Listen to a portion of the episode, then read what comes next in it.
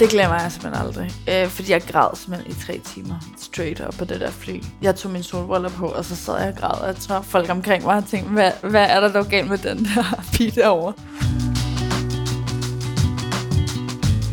Den her podcast er sponsoreret af Danske Spil, der hvert år sender overskuddet fra deres lotterier videre til kultur, idræts- og foreningslivet.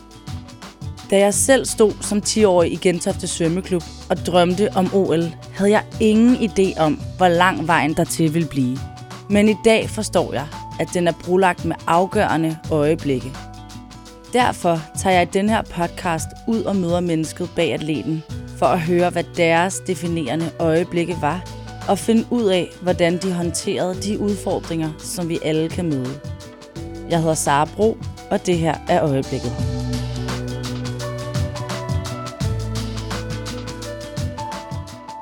I denne episode er jeg taget ud for at besøge en 24-årig elitesvømmer, der har deltaget i både EM, VM og OL. Hun startede til svømning samtidig med mig, og jeg kender hende rigtig godt. Det er nemlig min lille søster, Signe Brun.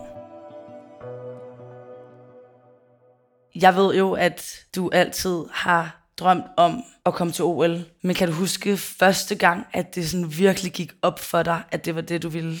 Egentlig i en sport som svømning, hvor, det, hvor der er mulighed for at være rigtig professionel, og hvor der er ligesom en lagt vej, man kan godt komme rigtig langt, så tror jeg, at det er meget øh, normalt at sige, at man gerne vil til OL faktisk. Men øh, i forhold til mig selv, så kan jeg huske, at jeg sad på Bispebjerg Hospital, fordi at jeg havde rigtig meget allergi på det tidspunkt, og jeg har rigtig meget nællefeber, og jeg har fået en kæmpe reaktion.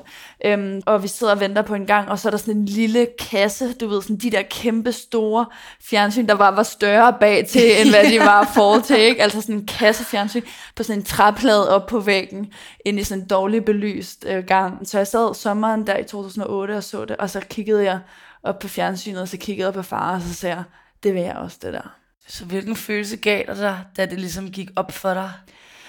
Jeg tror egentlig bare, at jeg var så betaget af det, og jeg tror, jeg synes, det var så stort, og jeg tror, jeg synes, det var så sådan en vild scene, og hvor vildt må det være at stå foran alle de mennesker og gøre noget, som man har trænet så hårdt for at gøre. Mm. Hvordan så du din far eller vores far som en støtte i den drøm? Jeg kan ikke helt huske, hvad han siger, men jeg tror bare, han siger, at øh, det skal du da bare så.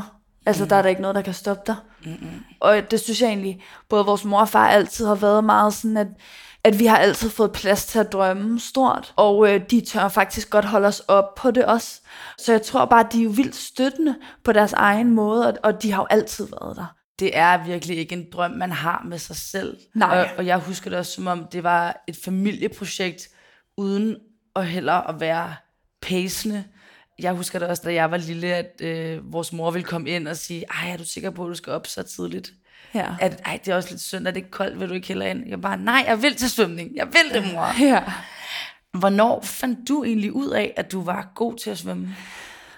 Øhm, ja, det er faktisk det er et godt spørgsmål. Jeg, jeg tror, at vi svømmede jo i Gentofte Svømmeklub, det gjorde vi begge to, og, øhm, og jeg var i mange år ikke god til at svømme, og jeg kunne slet ikke lide at svømme. Altså, jeg synes, vandet var forfærdeligt koldt, og jeg hoppede på bunden, og jeg frøs, og jeg ville ud, og jeg ville ud til mor, og jeg ville ud i forhallen, og det var sådan noget med, at mor hun blev forvist fra svømmehallen, fordi hvis, hvis jeg kunne se hende, så ville jeg ikke ligge og svømme, og hæv i banetåret og alt muligt. Så jeg tror, i mange år, så tænkte jeg slet ikke, at det ville komme til at være noget for mig. Det men, tænkte jeg heller ikke. ja, men, men jeg fandt, så blev jeg lidt ældre, jeg vil sige måske omkring 7. 6. 7. klasse, jeg kan ikke helt huske det der fik jeg bare en rigtig, rigtig god gruppe veninder, øhm, som gik til svømning. Og det var ligesom de piger, jeg følte mig aller tættest på. Fordi over i skolen, der havde jeg også nogle rigtig gode venner. Men øhm, jeg var altid hende, der havde været tidligt oppe, eller hende, der havde vådt hår, eller hende, der havde mange madpakker med, eller hende, der skulle gå tidligt. Jeg var på en eller anden måde altid lidt særlig, eller sådan uden at der blev gjort for meget ud af det, eller sådan uden at det blev karikeret. Men så kom jeg til træning, efter jeg havde været i skole, og der var bare fire-fem piger, der var præcis ligesom mig. Og jeg tør godt sige, at uden dem, så havde jeg ikke svømmet så lang tid, som jeg gjorde nu, fordi det var virkelig dem, der gjorde, at jeg blev ved, og vi havde det bare så sjovt. Når man er i et godt miljø, så er der plads til, at man kan presse sig selv, og der er plads til, at man kan blomstre, og der er plads til, så, så altså som overgangssvømmer, hvor gammel er man der, 14 mm. der, der tror jeg, der vil jeg sige, at jeg begyndte at blive sådan rimelig god til at svømme, og der kunne man, der kunne man godt se, at jeg, øh, hvis jeg ville, øh, havde ligesom potentialet. Øhm, hvad betød det for dig, at jeg også svømmede? Det gav mig følelsen af, at det er muligt, og det er inden for rækkevidde, og det er ligesom menneskeligt at kunne gøre, og også bare, at jeg har jo set dig, altså du er jo gået forud for rigtig mange ting i, i mit liv, ikke? Altså tre år ældre, og sådan, har altid kunne se dig, se det enormt meget op til dig, vil have alt det samme tøj, alle de samme sko, alt det samme, oh, alt. Det huske, ja. øhm, og så se dig stå dernede, så tror jeg, jeg tænkte, så, så kan jeg også. Så kan jeg se, det kan lade sig gøre. Det var så sjovt at stå og se dig i dag svømme, og jeg ser jo bare stadig det her lejende væsen, og du er lattermild og glad, og hvad har det betydet i din rejse mod OL? Træning er jo enormt hård, og den er enormt fokuseret, men hvis man lige kan give sig selv lov til at et lille afbræk, og så hvis du spørger min træner, så tror jeg, han vil sige, at jeg leger meget, eller jeg, jeg finder nemt lejen i det, og det er, ikke, det er ikke sådan noget med, at jeg ikke gør, hvad der skal til, eller jeg ikke træner, men, men det er mere sådan noget som for eksempel, øh, hvis vi hopper, når vi hopper i vandet, så lave en bombe.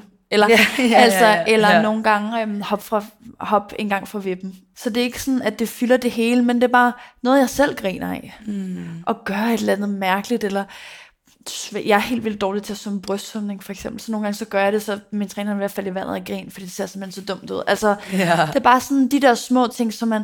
Og det er i virkeligheden ofte sådan i samarbejde med ham, at jeg gør det, fordi man kan ikke gøre det alene, og han er sådan en stor del af ligesom mit hold, og han er sådan... Din træner. Ja, min træner, han er sådan virkelig mit fundament i min hverdag, så sådan at, at det, at vi kan have det sammen, eller han lige kan vende øjnene af mig, eller sådan noget, det, det, det søger jeg nærmest. Det helt, hvad, kan, hvad kan få ham til at grine i dag? ja, men det er også noget med det der med at putte noget mildhed ind i et miljø, der kan være tungt. Og det der med, jeg får energi af letheden, og det lille grin, og den humoristiske ja. lille vinkel på tingene. Ikke? Ja, og det er helt klart også, altså, jeg kan også virkelig, virkelig godt lide at træne. Der er rigtig mange, der rigtig godt kan lide at konkurrere, og jeg kan også godt lide at konkurrere, men jeg kan virkelig også godt lide at træne. Og jeg kan faktisk rigtig godt lide at presse mig selv, og jeg kan godt lide tanken om at stå over for noget, som man ikke aner, at man kan komme igennem, og så alligevel gøre det. Det er ret enestående for mig, og det er ret vildt, at synes jeg, at jeg står i en situation, hvor jeg overhovedet kan presse min krop, og kan presse mit hoved på den måde. Ja. At det er virkelig noget, der har taget mig mange år at lære. Hvordan bar du drømmen om OL med dig videre, altså da du var lille? Jamen, jeg tror ikke, jeg husker det ikke som om det var noget, der sådan var med mig hver eneste dag, eller noget, jeg ikke kunne lade være med at tænke på, eller jeg tror bare, det var noget, som sådan en, en lille lyshåret pige bare sagde, jeg vil til OL. ja. det var, jeg tror egentlig meget, det var sådan indtil, jeg vil sige sådan indtil ja, 16, måske i virkeligheden sådan 2017-agtig. Der blev det virkelig sådan, nu skal jeg til OL. Og der blev det sådan fuldstændig kompromilløst, at det er det, jeg går efter. Altså jeg er villig til at sætte alt på pause i mit liv for den drøm. I 2021 er Signe 22 år og efter fire års intens forberedelse opnår hun sin største drøm. Hun opfylder tidskravet for deltagelse ved OL i Tokyo. Men fra det ene øjeblik til det andet ligner sine drøm et mareridt. Coronapandemien rammer verden, de olympiske lege udskydes, og svømmehallerne lukker. Kan du huske, da du fik at vide, at OL, som skulle have været i 2020, ikke bliver til noget alligevel? Ja, meget tydeligt. Mig og min holdkammerat Julie, vi ligger og træner sammen, og det er vores træner Jon, der står på kanten, og der er så meget uvidshed om det, og vi bliver ved med at sige, Jon, tror du, tror du, vi skal svømme? Tror du, vi ikke skal svømme? Og det er jo, det er jo det der med, sådan, på det her tidspunkt, der er vi i vores livs bedste form. Mm. Altså det er lige inden vi skulle kvalificere os, og vi har så svømmet under, fordi at, at vi har klaret det godt tidligere på året også. Ja. Det er lige der, corona bryder ud. Det er lige inden vi skal kvalificere os. Og så kommer vi til træning morgen efter, og så er det så blevet annonceret, at, øhm, ja, at OL det er blevet udskudt i et år. Jeg tror, det bliver bare helt sort. Jeg tror ikke engang rigtig, jeg græder. Jeg tror bare sådan, Vi tænker sådan, okay, men så gider vi heller ikke svømme nu. Altså, hvorfor skal vi så overhovedet hoppe i vandet? Mm. Nu er det jo fuldstændig ligegyldigt. Har vi seriøst trænet et helt år for ingenting? Hvorfor skal vi overhovedet træne? Vi gider ikke. Så gider man bare ikke træne. Hvad gjorde du så der? Så fik vi nogle, nogle, et par dage fri, og så startede vi stille og roligt op igen, og så, så havde vi jo god tid til at arbejde på nogle af de ting, som vi ellers normalt ikke havde tid til. Mm. Øhm, sådan noget som vendinger og starter og sådan og så svømmede vi bare. Jeg tror bare, vi svømmede en time eller en halvanden time en gang om dagen, så det var mere bare for at holde os i gang, og vi var i, i virkeligheden meget, meget privilegeret, for der er rigtig, rigtig mange lande rundt i verden, der ikke fik lov til at træne. Altså Canada havde det fuldstændig vanvittigt, hvor de måtte ikke træne i et halvt år nærmest. Det er meget, meget langt at være ude af, af svømning. Hvordan har du det? Altså, hvor langt er der fra hende, den legeglade sine, der laver spas og fjoller rundt, mm. til den person, der lige står og har fået at vide, at ens drøm ikke kommer til at ske. Ja, der er rimelig langt. Jeg tror egentlig heldigvis, at vi gav os ret meget lov til at bare lidt være i det. Og så fik vi klaret nogle ting, som for eksempel, jeg, jeg fik hævet min visdomstænder ud. mm. det, skulle jeg alt, det skulle jeg have gjort i vildt lang tid, men der var ikke lige noget smart tidspunkt til det, så det fik jeg gjort der. Men så, så, så jo længere det blev, så blev det mere sådan noget med, at der var så mange ting, der var så uvisse. Mm. Så vi prøvede at kontrollere det, vi kunne kontrollere, men, men vi var jo ikke sådan, vi, vi gjorde det jo bare, vi svømmede bare, fordi vi skulle svømme, vi havde svømmet ikke, fordi vi havde lyst, eller det, det hele blev bare lidt en pligt. Så blev alle andre stævner, de blev sådan lige så stille aflyst. Så det var faktisk sådan, at OL blev aflyst, men så troede vi stadig, at vi skulle svømme EM. Så prøvede vi jo sådan lidt at gøre os klar til det, men det blev selvfølgelig også aflyst. Det er interessant at sidde og have hørt dig snakke om svømning på sådan en forelsket måde, og så lige pludselig er det en pligt. Ja, og så blev det for mig, så blev det også sådan vildt hårdt, fordi jeg, så, mens vi troede, at vi skulle stadig svømme, så blev jeg sådan, okay, men nu træner jeg ikke så meget, og så stoppede jeg lidt med at spise så meget, og jeg sådan prøvede at kontrollere det på den måde, og sådan blev meget, meget, meget sådan kontrolleret i mine spisevaner, og blev meget sådan, så rigtig meget ned på min krop, og jeg var meget sådan, synes jeg, så meget tyk ud, og det, det var jeg jo overhovedet ikke, men jeg var jo bare på dybt vand, altså jeg, jeg anede slet ikke, hvad der skulle ske, ingen af os vidste noget, og så jeg, jeg lå bare meget hjemme i min seng, og lavede ikke rigtig noget, og spiste ikke rigtig noget, og... men jeg vil så sige, så, så blev det også, altså så blev det jo ligesom, hvad det var. Altså, så bliver man jo nødt til på et tidspunkt at forstå, at vi kommer ikke til at svømme OL. Men hvordan gør man det? Altså, fordi det, det forstår jeg godt, at man bliver nødt til at vende skuen på en eller anden mm. måde, ikke?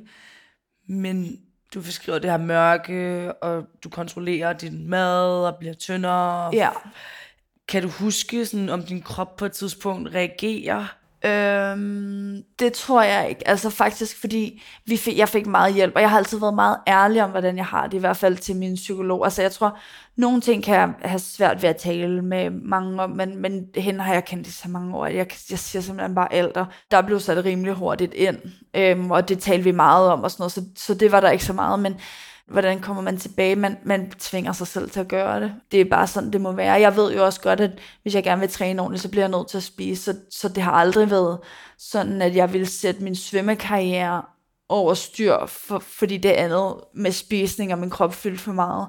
Fordi jeg har godt vidst, at jeg kan ikke svømme, hvis jeg ikke spiser nok.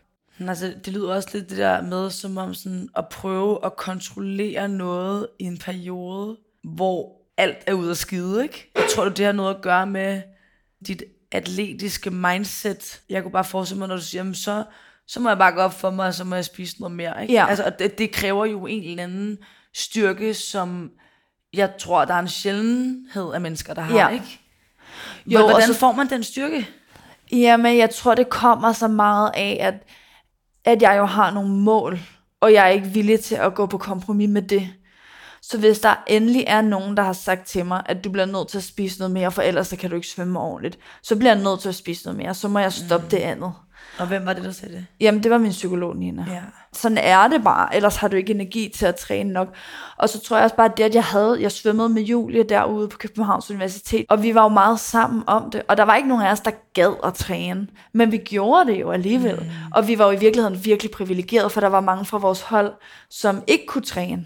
Ja. Så på den måde er det også sådan, okay, men så, så må du gøre det, fordi nu, nu har du fået lov til at gøre det. Ja, så det bliver det sådan en gave, ikke? Jo, og også på en eller anden måde, i det mindste, følte jeg mig ikke særlig alene i corona, som der er jo rigtig mange, der gjorde. Fordi jeg, jeg lavede jo noget hver dag, og jeg havde svømning hver dag, og jeg havde Julia og Jon hver dag, og jeg havde så... Det, det, det tomrum havde jeg ikke. Men så var der nogle andre ting, som blev skabt, fordi jeg var så fokuseret på at skulle til OL. Helt klart. Hvordan var det, eller er det at være professionel i sportsverdenen med sådan de slags udfordringer? Jeg vil sige sådan i forhold til det der med synet på ens krop og synet på, hvad man spiser, hvordan man spiser. Det er lidt hårdt at sige, men jeg tror, at der er mange atleter, der har det sådan, fordi vores krop er jo ligesom vores arbejdsredskab, og det skal jo være i den bedste form muligt, og det handler selvfølgelig om at spise nok og spise det rigtige. Mm. Men det er jo også ligesom, hvis man har det svært, så er det også det nemmeste at straffe på ja. en eller anden måde, og det er jo det er vildt hårdt, men sådan er det jo desværre. På trods af, hvad Signe i dag vil kalde en spiseforstyrrelse og en viruspandemi, der lagde verden ned, når hun i sommeren 2021 til OL i Tokyo. Vores forældre og jeg, Sines hardcore heppekor, må desværre ikke være med på tribunen, men vi kigger spændt med i fjernsynet hjemme i Danmark. Hun ender som nummer 8 i verden i 4x100 meter fri og når til semifinalen i 100 meter fri. Og i det øjeblik var jeg, som storesøster og tidligere svømmer, både glad og stolt. Men for Sine var tiden efter OL anderledes hård.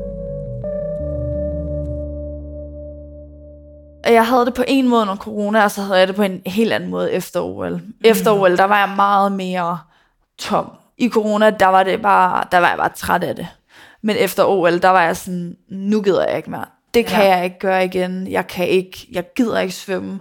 Jeg synes, alt var for meget. Jeg synes, jeg synes det var forfærdeligt at skulle tilbage til Bellahøj. Jeg synes, det hele var sådan vildt svært at forholde mig til. Og jeg græd enormt meget derhjemme.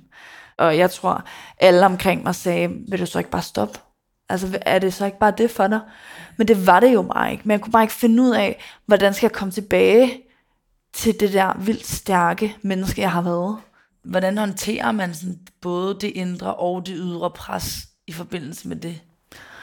Det, det er jo bare meget noget, der kommer med sporten, og noget, der kommer med svømning, og det tænker jeg også, at du jo har været igennem. Altså, der er jo, der vil jo altid være et ydre pres, altså, som er stort, men jeg tror, at det indre pres vil altid være det største. Ja. For jeg tror ikke, der var ikke nogen, der sagde til mig, at jeg skulle blive ved. Der er heller aldrig nogen, der har sagt til mig, at jeg ikke skulle blive ved. Men øh, jeg havde en klar idé om, at det kunne jeg godt gøre igen, og det ville jeg gerne gøre igen. Men jeg tror også, jeg tænkte sådan, okay, men der er tre år til. Og normalt ja. er der endda fire år til. Men jeg tænkte ja. sådan, okay, hvad, okay, der er vildt lang tid til jo. Der er jo netop, som du siger, meget ydre pres. Men det, der er mest af, det er det indre. Man bliver jo bare fanget i det, og det er jo, jeg tror, det er jo enormt nemt at, eller det er jo ikke nemt at sige, men det er jo nemmere at sige nu. Det var jo svært, ikke? Altså det er jo ikke, hvis man bare kunne gøre det, så havde du mm. jo nok gjort det. Klar. Men man bliver jo bare totalt sådan viklet ind i det, og det tager jo ofte vildt, vildt mange år for folk at finde ud af, at de gerne vil stoppe. Man har jo altid gjort det. Men det er så rigtigt, og i den forbindelse tror du så, at elitesport er det rigtige sted at være, hvis man er i en sårbar periode? Det tror jeg kommer meget an på personen, men, men for mig så har det altid været et frirum, og det har altid været sådan et sted, som jeg har været enormt passioneret over at være i, og jeg har også lige, altså min kæreste og jeg gik fra hinanden for et par måneder siden, hvor jeg, hvor jeg synes, det var vildt, vildt svært, mm. og hvor jeg jo ikke sådan havde lyst til at lave noget som helst, men blev ved med at komme til træning, og så blev træning nemlig det sted, som ikke handlede om noget andet, og det sted, hvor jeg vidste, jeg var dygtig til, hvad jeg lavede, og det sted, hvor jeg var, altså var den her show øh, og åbne person, og så kunne jeg lige så stille sådan finde tilbage til den pige igen, og det gav mig vildt meget i den periode. Mm, føler du så, at du kan tænde og slukke for personen sine? Fordi det kan godt lidt lyde som, som at det er sådan en proces, der foregår inden i dig. Eller ja. går man lidt sådan sammen med sin atletiske identitet? Nej, det, det synes jeg faktisk ikke, jeg gør. Jeg, jeg vil sige, når jeg er sammen med mine veninder, og når jeg er ude, og når jeg, når jeg er sammen med dig, og når jeg er sammen med min familie, så vil jeg helt klart sige, at jeg var en helt anden person, end hvad jeg er i svømmehallen. Og det er jeg ret glad for, at jeg kan det på en eller anden måde. Jeg tror, det var ret belastende at have sådan en mega målrettet tøs, der bare gik lige helt. altså, det kan da kun Det stress. Det kan da kun stress alle omkring mig. Øhm, og så tror jeg, at det har, det har hjulpet mig, for jeg har altid synes, det har været fedt at gå ud. Jeg har aldrig følt, at jeg har skulle sige nej til noget på grund af svømning, for jeg har altid godt kunne begge ting. Mm. Og øh, det tror jeg også gør, at svømning ikke er en særlig hård ting for mig, at det er fint for mig at have det, og jeg stadig kan dyrke det, selvom jeg er 24, og også ser en fremtid i det. Mm. Så jeg er heldigvis glad for, at jeg synes, jeg godt kan slukke hende. Sines drøm om at komme til OL blev altså opfyldt. Men hvad så nu? Hvor går man hen, når man har ramt endestationen? Og hvordan starter man en ny sæson op efter endelig at have opnået det uopnåelige? Det er de tanker, der går igen hos Sine, og hun får en unik mulighed for at træne under den dygtige Ben Titley i Barcelona.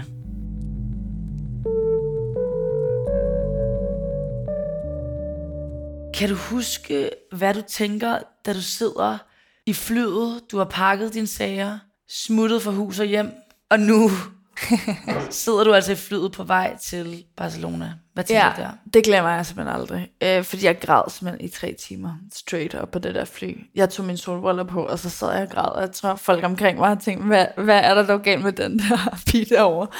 Men øhm, Hvorfor græd du? Jamen på en måde, så var det jo en mega stor ting, og vildt og fantastisk, jeg havde taget det her store skridt og en drøm og et vildt eventyr.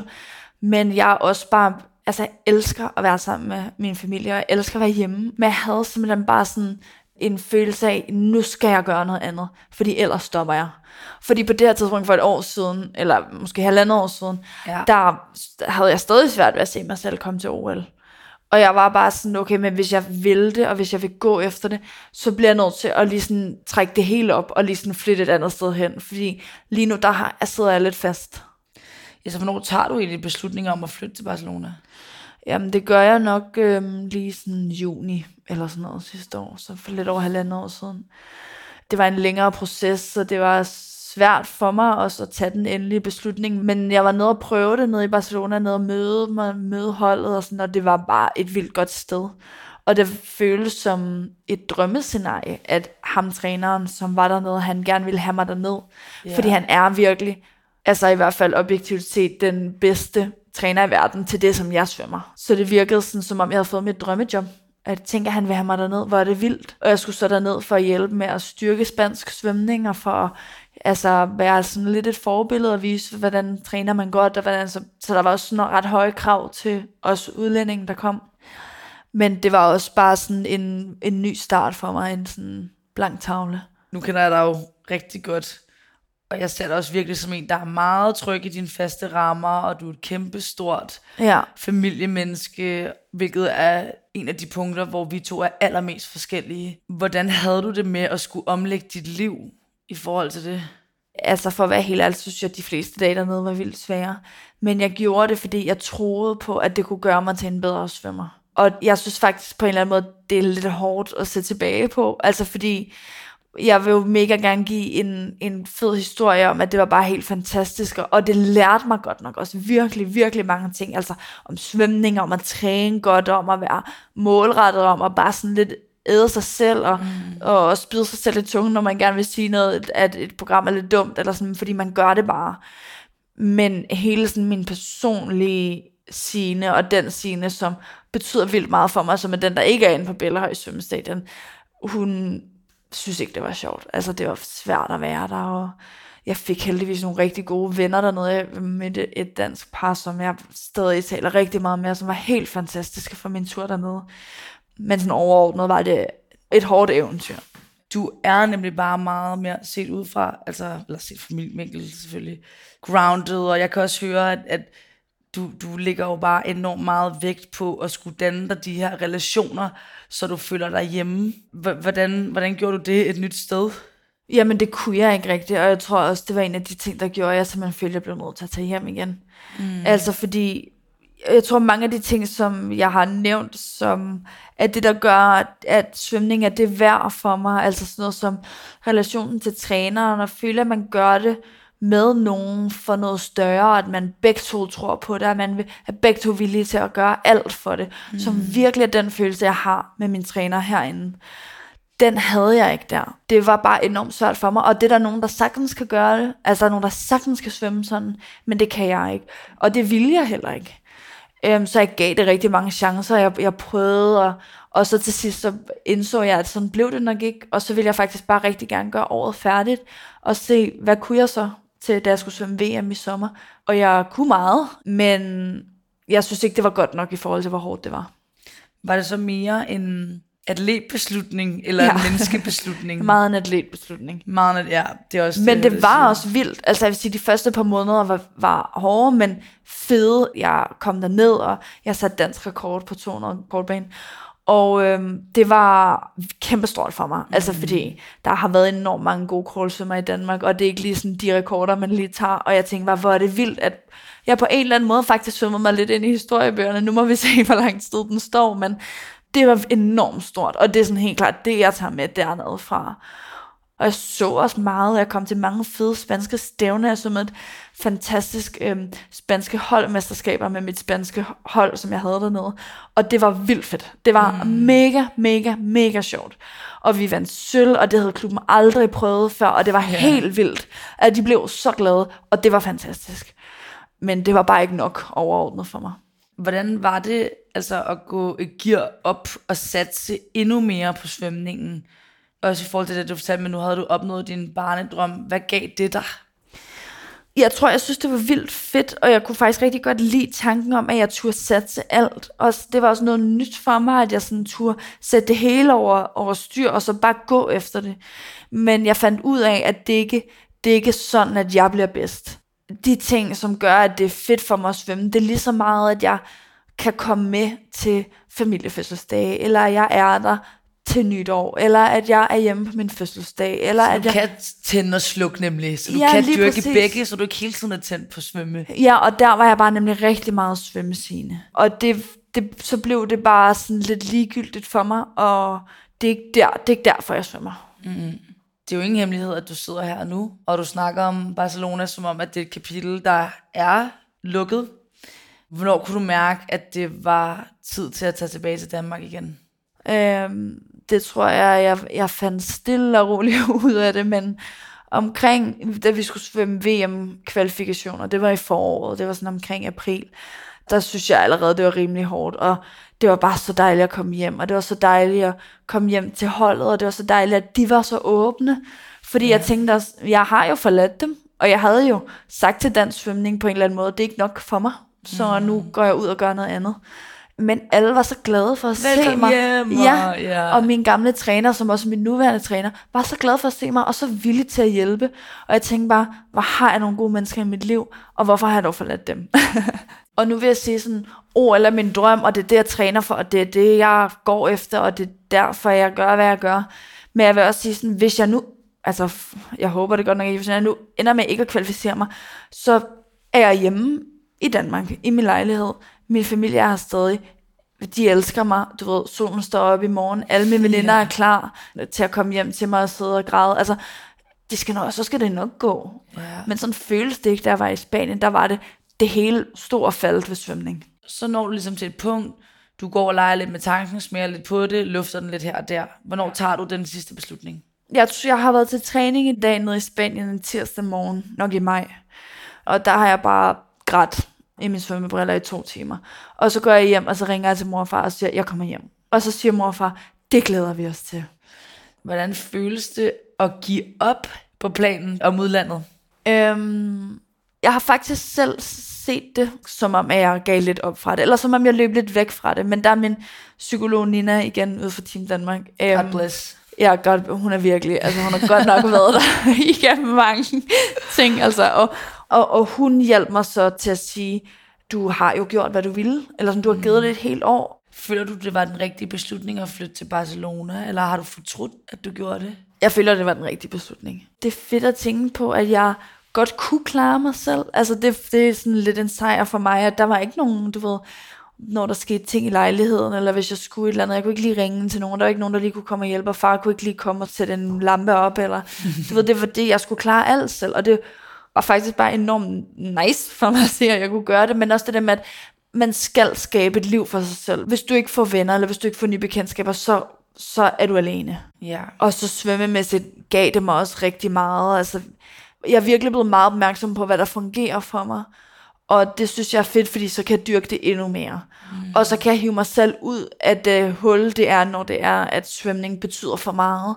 Eller jeg bliver for opsat på OL, eller jeg bliver for besat af OL. Så er det bare sådan, nu gør jeg jo bare, hvad jeg kan i hverdagen. Og så ved jeg, at jeg gør mit bedste, når jeg skal kvalificere mig. Og så må vi se. Synes du så nogle gange, at man opgiver for meget for sin sport? Det synes jeg godt, at man kan stå i situationer, hvor man gør. Der er rigtig mange, der spørger, om jeg synes, jeg siger nej til mange ting på grund af svømning. Ikke? Mm.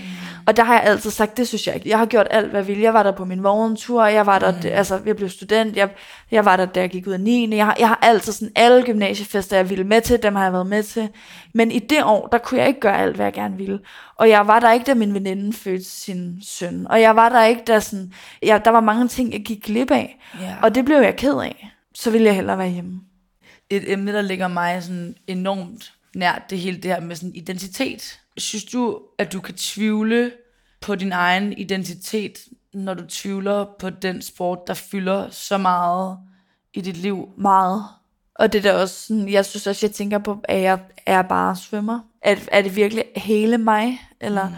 så prøver jeg at tænke på, hvor mange enormt gode venskaber jeg har, og så det var også derfor, jeg startede på universitetet med at læse psykologi, fordi jeg ville gerne have noget ved siden af, sådan så jeg på en eller anden måde for mig selv at vide, at jeg ikke kun svømmer, og jeg arbejder også på en sine eftersvømning, mm. og har fundet ud af, at der er vildt mange andre ting, der også interesserer mig. Så hvis jeg ikke havde svømning, så kunne jeg sagtens være et rigtig glad ung menneske. Hvad skal der så ske nu?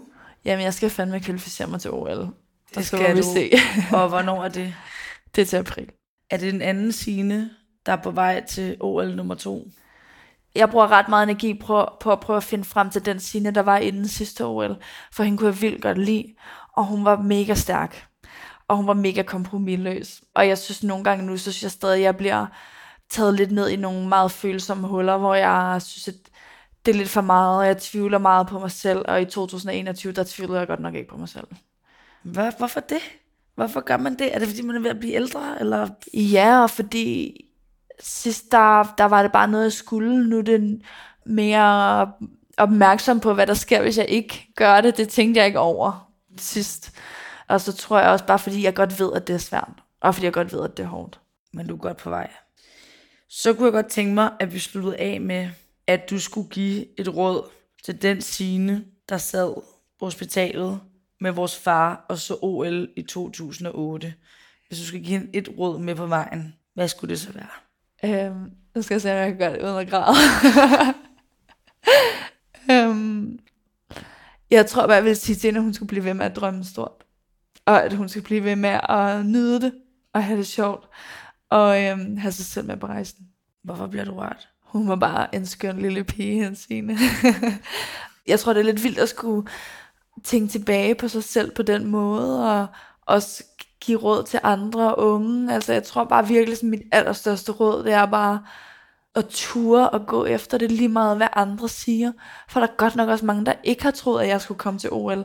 Men det gjorde jeg. Og så længe man selv tror på det, der er aldrig nogen, der kommer til at tro på det mere end en selv. Og det er virkelig noget, jeg, sådan, jeg tænker meget over. Tusind tak. Tak.